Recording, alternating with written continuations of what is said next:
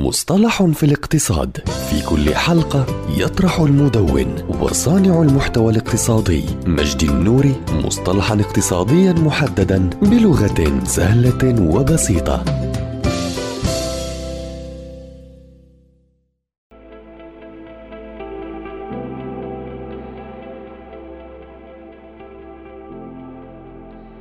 إذا استلمت راتبك أو معاشك فإنه ليس متاحا كله للإنفاق على الضروريات، وبالتالي فإنه ليس متوقعا أن يكون متاحا للأمور الثانوية، هذا بالضبط ما نقصد به بالدخل المتاح أو الدخل المتوقع، وهما مؤشران اقتصاديان من المؤشرات الرئيسية التي تستخدم لقياس الاستقرار المالي للشركات والأفراد. فالدخل المتاح هو ذلك الجزء المتاح من الدخل للاستثمار أو الادخار أو الإنفاق على الضروريات والعناصر غير الأساسية بعد خصم ضرائب الدخل. أما الدخل التقديري فهو ما يجب على الأسرة أو الفرد التفكير باستثماره أو ادخاره أو إنفاقه بعد دفع الضروريات. أما عن سبب أنه يعبر عن أحد المؤشرات الهامة فهو أن الشركات التي تقوم بصناعة السلع باختلاف أنواعها تكون مهتمة بمستويات الدخول المتاحة أو التقديرية وذلك لقياس توقعات مبيعاتها تبعا لهذا الدخل سواء ارتفع أو انخفض وأيضا تقيس بعده الأنشطة البيعية وتقيس حجمها بما هو متوقع لها بشكل مسبق.